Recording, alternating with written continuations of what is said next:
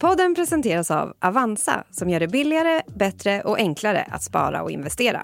Välkommen till en bank som den borde vara. Det känns inte som att det är så många som brinner för att ta över och det känns faktiskt förbannat sorgligt. Det som sägs vara det finaste jobbet i svensk fotboll är ledigt. Men ingen tycks vilja ha det. Kontraktet låg där, men de kom inte överens. Herrlandslaget i fotboll står utan förbundskapten. Och jakten på en ny tränare har kantats av dikeskörningar. Det är klart att det inte ser bra ut för Svenska Fotbollförbundet. På en kvart får du veta hur vi hamnade här och vem det till slut blir. Om SVDs sportkrönikör får tippa. Vem blir det då? Det blir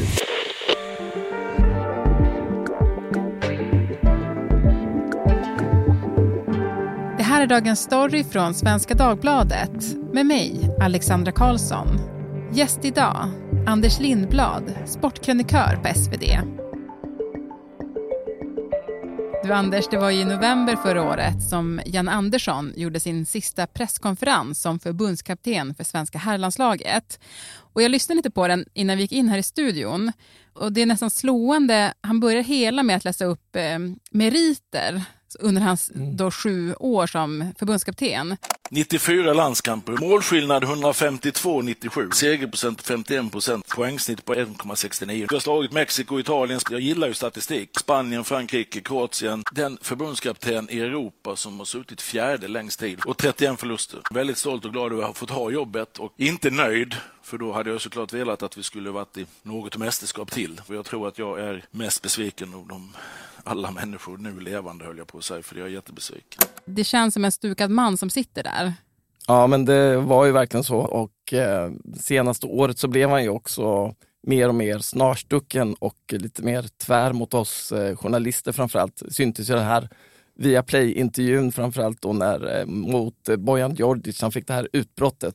Ah, fy fan. Vi går runt med 5-0 så står du och gnäller. Jag gnäller inte, jag Jo, du frågar om. Jesper Karlsson. Du står och snackar skit efter en du match när vi vinner med pratar för 5-0. mycket. Efter det så gick det liksom bara utför.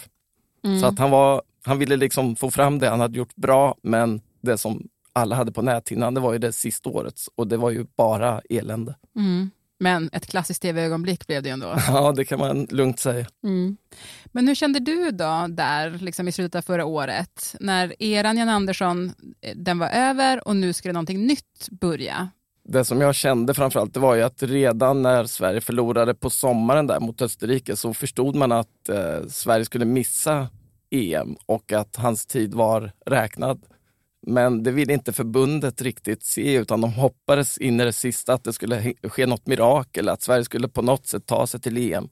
Men där skulle man ju ha börjat i tid med att eh, se efter en efterträdare. Ja men precis, för jakten på en ny tränare började då egentligen lite för sent kanske.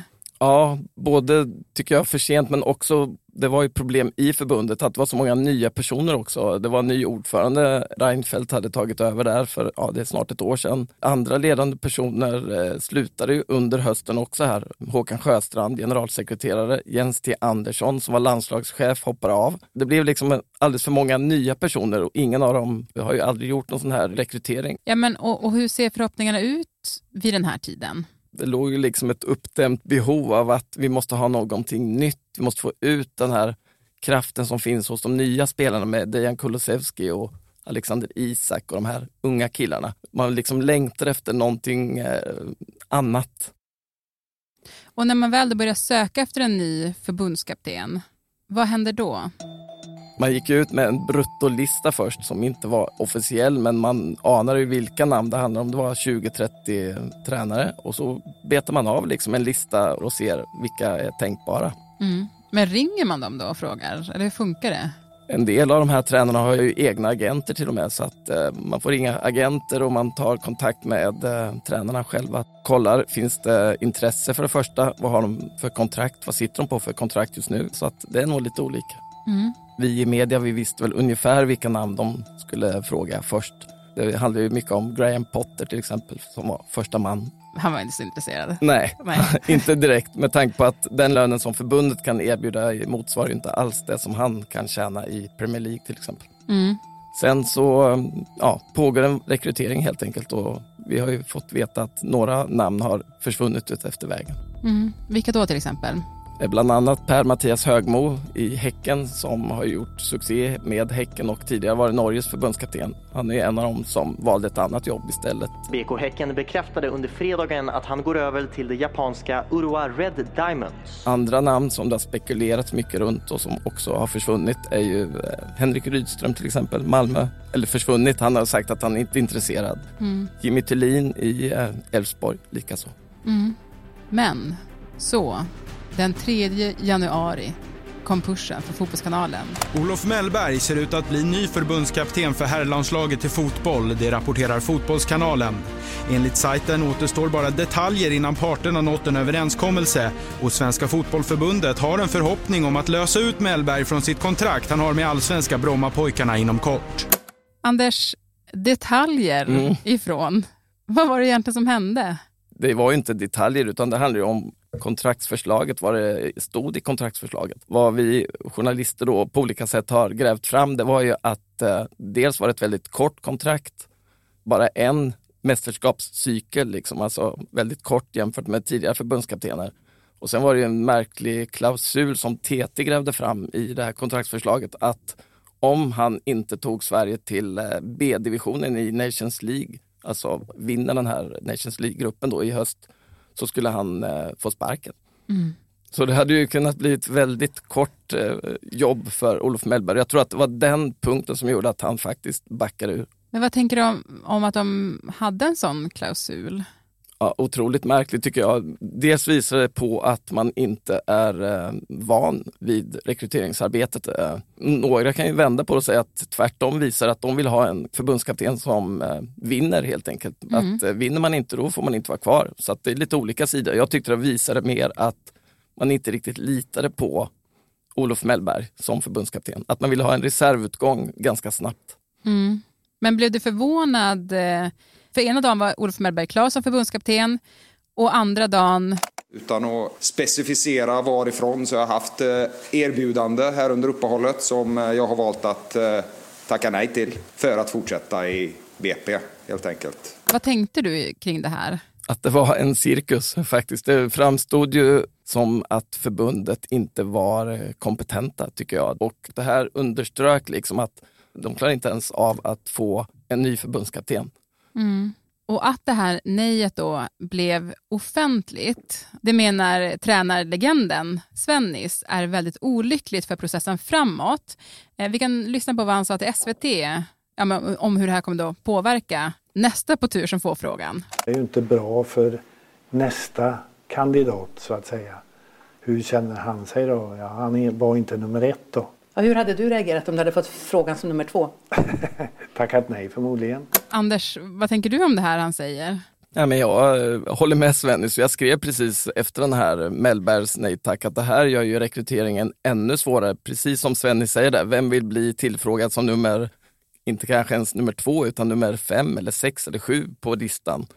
Och framförallt också att det läckte ut så mycket detaljer om eh, kontraktsförslaget tycker jag gör hela rekryteringsprocessen mycket svårare för förbundet.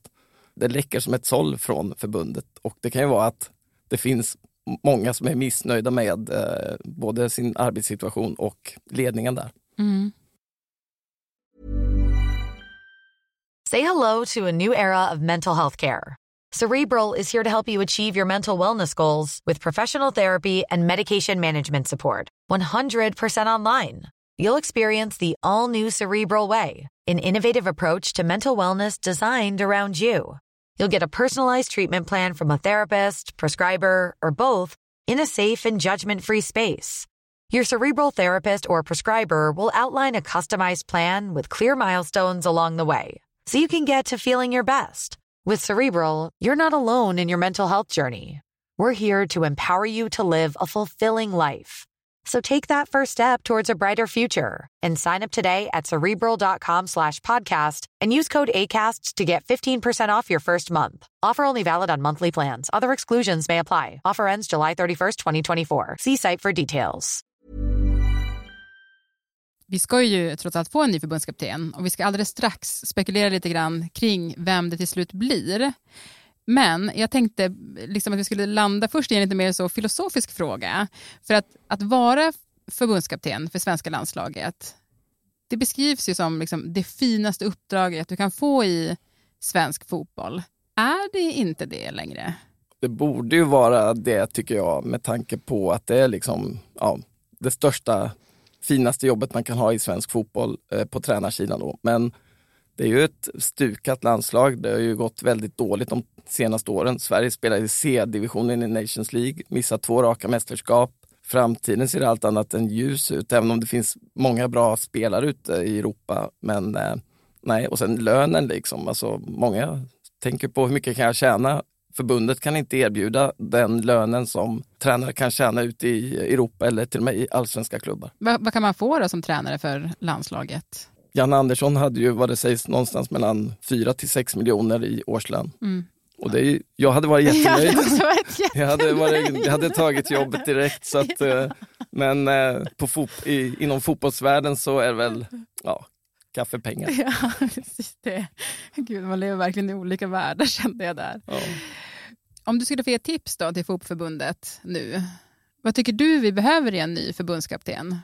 Ja, för det första måste det vara en bra tränare, en erfaren matchcoach, en person som kan bygga ett team. Det var Jan Andersson faktiskt bra på. Han byggde sitt eget team med hela staben. Det måste ju också vara en person som kan eh, uttala sig bra i media.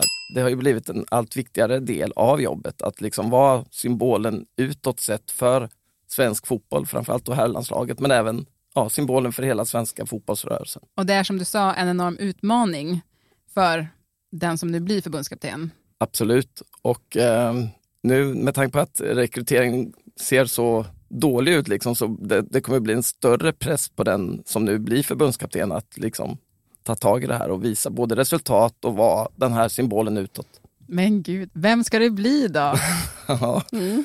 De får ringa Jan Andersson igen, han vill ju ha jobbet. ja, precis. Det slu- Tänk om allt slutar med att det är så. Ja. Janne kommer tillbaka. Nej, jag, jag tycker de slarvade bort eh, Olof Mellberg. Jag tycker att han hade varit ett bra namn som förbundskapten. Mm. Och det känns ju verkligen som att hans nej nu är definitivt. Ja, han är en tjurskallig typ också, så att jag tror inte han ändrar sig oavsett vad de får. Om de ger ett nytt eh, kontraktsförslag så nej, han kommer inte bli förbundskapten. Nej.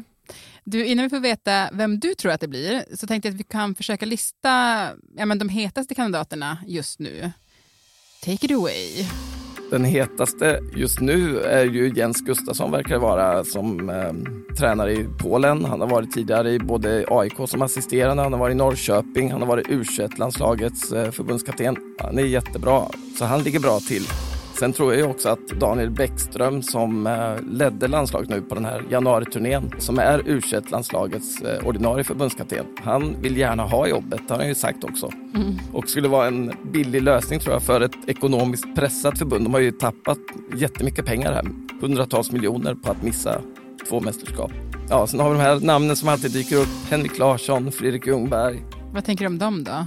Jag tror inte på någon av varken Ljungberg eller Henke Larsson faktiskt. Mer på Jens Gustafsson. Det är en rimlig lösning i det här läget. Mm. Sen är inte han kanske ett drömnamn, men drömnamnet var väl Graham Potter och han sa ju nej innan det ens var igång. Mm. Man har också pratat om Jon Dahl Tomasson. Mm. Han gjorde bra med Malmö och är ju en, en, bra spelare och bra tränare. Så att, och det vore kul att ta in en uh, tränare eller en förbundskapten från ett annat land. Jag tycker det skulle vara intressant, helt klart. Men du, vem blir det då? Ja, det blir uh, Jens Gustafsson. Mm, Okej. ja men skönt, då vet vi. Ja, eller så blir det någon annan. Men uh, det är som hela den här grejen är ju att det har liksom skadat fotbollsförbundet tycker jag i deras sätt att rekrytera. Det läcker namn åt alla håll och de har eh, uppenbara problem. Det känns att de inte riktigt är kompetenta, de personerna som är satta att göra den här rekryteringen. Mm. Men en sista fråga, om det blir Jens Gustafsson, skulle du vara glad då? Jag skulle nog vara som ett, eh, okej, okay, jaha. Ja. det känns liksom som att eh, det finns inga drömnamn tyvärr. Det fanns ingen naturlig efterträdare till Janne Andersson. Janne Andersson satt ju kvar för länge och rekryteringen startade ju därför alldeles för sent. Och eh, då var det många av de här namnen som vi har pratat om som inte var tillgängliga helt enkelt. Som eh, topptränarna i allsvenskan förra året. Per, Mattias Högmo i Häcken, Henrik Rydström i Malmö och Jimmy Tillin i Elfsborg till exempel. Ja men precis, men, men man ska ju ändå komma ihåg att typ herrlandslaget har ju enorma talanger och vi skulle ju kunna spela någon annanstans än i C-gruppen i Nations League. Så är det ju ändå. Ja men så är det ju och eh, som du säger, många talanger framförallt på offensiva delen då. Men det väntar ju ett VM-kval och det är ju inte än på mer än ett år eh, fram. Så att den som tar över har ändå ganska gott om tid att bygga ett lag till VM-kvalet som är ju det viktigaste framöver. Även om den här Nations League såklart också är viktigt. Mm. Men det viktigaste är att vi är i VM igen. Ja, men VM-kvalet är ju klart viktigast framöver. Mm. Du, det finns mycket att hålla utkik efter. Tack så jättemycket Anders. Tack så jättemycket. Och programmet idag producerades av Daniel Sävström. Redaktör var Elin Romeriotto och ansvarig utgivare Elisa Irenius. Vill du kontakta oss så mejla då till dagensstory.svd.se.